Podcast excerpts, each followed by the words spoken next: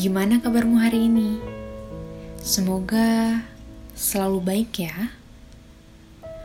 Untuk kamu yang sedang dalam perjalanan menuju tempat tinggal kamu, hati-hati ya. Semoga selamat sampai tujuan. Atau untuk kamu yang masih sibuk bekerja, semangat ya buat kerjaan kamu. Dalam segmen baru ini, aku Rina dari podcast Pendekatan, cerita-cerita dulu biar makin dekat. Bebas sharing karena dengan adanya sharing membuat kita merasa lebih plong. Dan juga kita bisa semakin dekat dengan orang yang ingin mendengarkan curahan hati kamu. Terima kasih yang sudah mampir di podcast ini. Selamat mendengarkan. Mungkin kita merasa bahwa dunia dan seisinya terlalu membuat kita merasa tertekan. Adanya masalah yang tak pernah kita perkirakan sebelumnya, baik datangnya dari lingkungan sekolah, kuliah, kantor, keluarga, pertemanan, atau bahkan dari pasangan kita sendiri. Dan saat seperti itu, mungkin terlintas ingin keluar dari masalah yang kita hadapi. Kalau emang kamu lagi rasain seperti itu, aku cuma mau bilang, kamu gak sendirian kok. Karena jujur, terkadang aku pun merasakan hal yang sama. Gak tau kenapa, aku pengen cepet-cepet keluar dari masalah itu. Dan secara tidak langsung, aku pengen menyendiri. Makanya di podcast episode pertama aku ini, aku mau bahas ada kalanya kita butuh waktu untuk menyendiri. Anyway, belum lama ini ada orang yang sharing sama aku dan dia nanya, apa sih yang biasanya kamu lakukan ketika pengen sendiri dulu? Hmm, jawabannya aku sendiri sih suka me time. Kayak jalan-jalan sendiri, nonton sendiri, makan sendiri. Itu aku emang bener-bener ngelakuin itu serba sendiri. Kalau enggak, aku menghabiskan waktu itu kayak pergi ke alam-alam. Nah ini nih, aku pernah sekali pergi ke alam-alam kayak pergi ke air terjun. Taman-taman gitu, ya pokoknya berbau alam gitulah ya. Aku menyendirinya tuh ya cukup dengan jalan-jalan di area itu aja. Itu tuh cukup. Kayak cukup apa ya? Cukup menenangkan. Asli deh, gak bohong. Karena aku sendiri ini tipe punya banyak cara untuk menyendiri anyway. Tapi anyway, kalau untuk saat ini, kondisi saat ini, aku menyendirinya tuh dengan cara lepas handphone. Terus ngurung diri di kamar ya pokoknya nggak megang handphone sama sekali sampai hati bener-bener tenang karena asli nggak tau kenapa juga air-air ini emang males keluar gitu ya sebenarnya sama orang rumah juga boleh-boleh aja keluar asal ya mematuhi protokol kesehatan tapi ngelihat cuaca Cianjur yang sering hujan terus rasa dinginnya tuh semakin menjadi-jadi ya jadi males keluar gitu anyway menyendiri itu emang perlu. Nanti aku jelasin di akhir ya. Jadi, sebelum diterbitkannya podcast episode pertama ini, ada orang yang sharing sama aku. Aku samarin ya namanya. Nah, nama samarannya itu Talita. Jadi, dia itu punya hubungan komitmen dengan seorang lelaki. Di dalam ceritanya, dia bilang, aku gak pernah pacaran sebelumnya dan sekalinya dia hubungan dengan seorang lelaki, ya dia langsung komitmen gitu. Soalnya Talita ini bilang, aku malas pacaran. Karena di pikiran dia itu semua cowok sama aja. Mungkin pikirannya, semua cowok itu playboy. Semua cowok itu bla bla bla. Tapi nggak semuanya, nggak semuanya cowok kayak gitu. Tapi ketika kita merasakan jatuh hati sama seseorang, tiba-tiba kalimat itu seolah-olah nggak pernah terucap. Nah, terus awalnya cerita itu terjadi ketika dia mengikuti sebuah acara. dari situ dia mulai deket gitu. Jadi kayak cowoknya ini tuh ngelihat si Talita ini kayak curi-curi pandang gitu. Nah kalau si Talitanya kayak sekilas pernah melihat lelaki ini. Jadi kayak nggak asing lagi di mata dia mukanya. Jadi si cowok ini tuh ngechat si Talita duluan.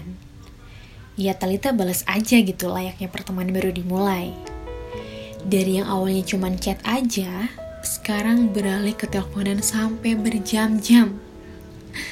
Tapi nggak tau kenapa aku ngerasa kayak relate aja gitu. Karena aku pernah ngerasain kayak gini. Terus sampai hari kelima Talita ini kayak ngerasa ada yang janggal. Karena ini cowok mulai manggil sayang. Jujur sih ya pas aku ngedengerin cerita ini kayak pengen ketawa aja gitu baru juga lima hari udah manggil sayang rendah banget gak sih nah di situ aku gak kebayang jadi Talita ya tapi untungnya Talita di sini nanggepinnya biasa aja katanya, meskipun awalnya risih. Nah, sampai sekitar satu bulan hubungan mereka makin instan. Hampir tiap malam mereka teleponan, bahkan gak cuma teleponan aja, tapi video call juga. Terus, pada suatu ketika, mereka ada rencana buat ketemuan. Dan anyway, mereka itu posisinya di beda kota. Jarak tempuhnya tuh sekitar 3 sampai 4 jaman mungkin ya. Sampai akhirnya ada satu momen yang bikin mereka ketemu. Tapi ketika nanya ke situ cowok, si cowok ini tuh bilang, belum siap apa-apa. Nah, Talita mulai bete dong di situ, ngajak ketemu, tapi dia sendiri belum siap. Nih, pas si Talita cerita sama aku, first impression dia itu nggak sesuai dengan ekspektasi. Karena kan sebelumnya si Talita juga emang cuma sekilas doang kan ngeliat muka cowok ini. Dan sejujurnya nih cowok emang bukan tipe dia. Cuman yang menariknya nih, pas ketemu, si Talita ini gak mikirin hal itu. Karena pada kenyataannya Talita emang udah nyaman duluan. Susah sih ya emang kalau udah nyaman itu. Nah, pas mereka ketemu, si cowok ini tuh ngajak temennya kan, sampai temen cowoknya tuh bilang kayak gini. Baru pertama kali ketemu, tapi kayak bukan ketemu pertama kalinya. Mungkin saking akrabnya ya. Nah, di situ mereka ngobrol-ngobrol sampai cowok ini tuh mau nganter Talita pulang ke kotanya. Si Talita ini tuh nolak. Ya, bilangnya jauh lah. Dan memang sebenarnya pikiran dia itu tuh baru pertama kali ketemu ya takut gitu dibawa ke mana-mana. Tapi ya ujungnya juga si cowok ini tuh tetap nganterin Talita sampai ke rumahnya. Nah, di perjalanan mereka ngobrol dalam mobil. Ngobrol sana sini sampai pertanyaan itu menjurus ke pertanyaan yang memang serius. Kayak hubungan ini tuh mau dilanjutin gak sih sampai ke jenjang yang lebih serius. Talita cerita sama aku Baru kali ini dia ngerasain nyaman sama cowok. Terus setelah menjalani hubungan ini, hubungan mereka itu makin intens. Kayak pagi, siang, malam, selalu komunikasi. Ada momen di sini paling seru sih diceritain. Mungkin juga di sini ada yang ngerasain di mana orang yang sempat deket sama kamu, ada momen di mana Talita ini nemenin cowoknya sarapan sambil video call. Wow, LDR banget gak tuh? Mungkin buat kalian yang ngedengerin ini beranggapan lebay atau berlebihan gitu ya. Fix, kalian belum ngerasain rasanya gimana LDR jauh terus ada momen kayak gitu.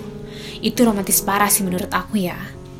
Ya meskipun gak semua aktivitas harus kayak gitu Singkat cerita, jadi waktu weekend si Talita ini nyamperin ke kota si cowoknya.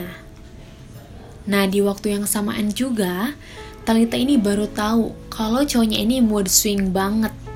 Jadi ya moodnya tuh bisa berubah seketika. Jadi pas si Talita ini bareng sama cowoknya, teman-teman si Talita itu video call. Nah pas video call, ngeliat muka si cowoknya mulai bete tuh. Tapi ya pikiran si Talita ini tuh kayak oh ya udah mungkin cowok aku juga ngertiin gitu ini teman-teman aku ya mungkin juga pikiran Talita ya mereka kangen gitu lagi. Mereka lagi kangen sama aku. Tapi di sini aku agak ngejanggal juga sih ya. Sebenarnya itu hal yang biasa. Tapi ya harus tahu waktu juga gitu.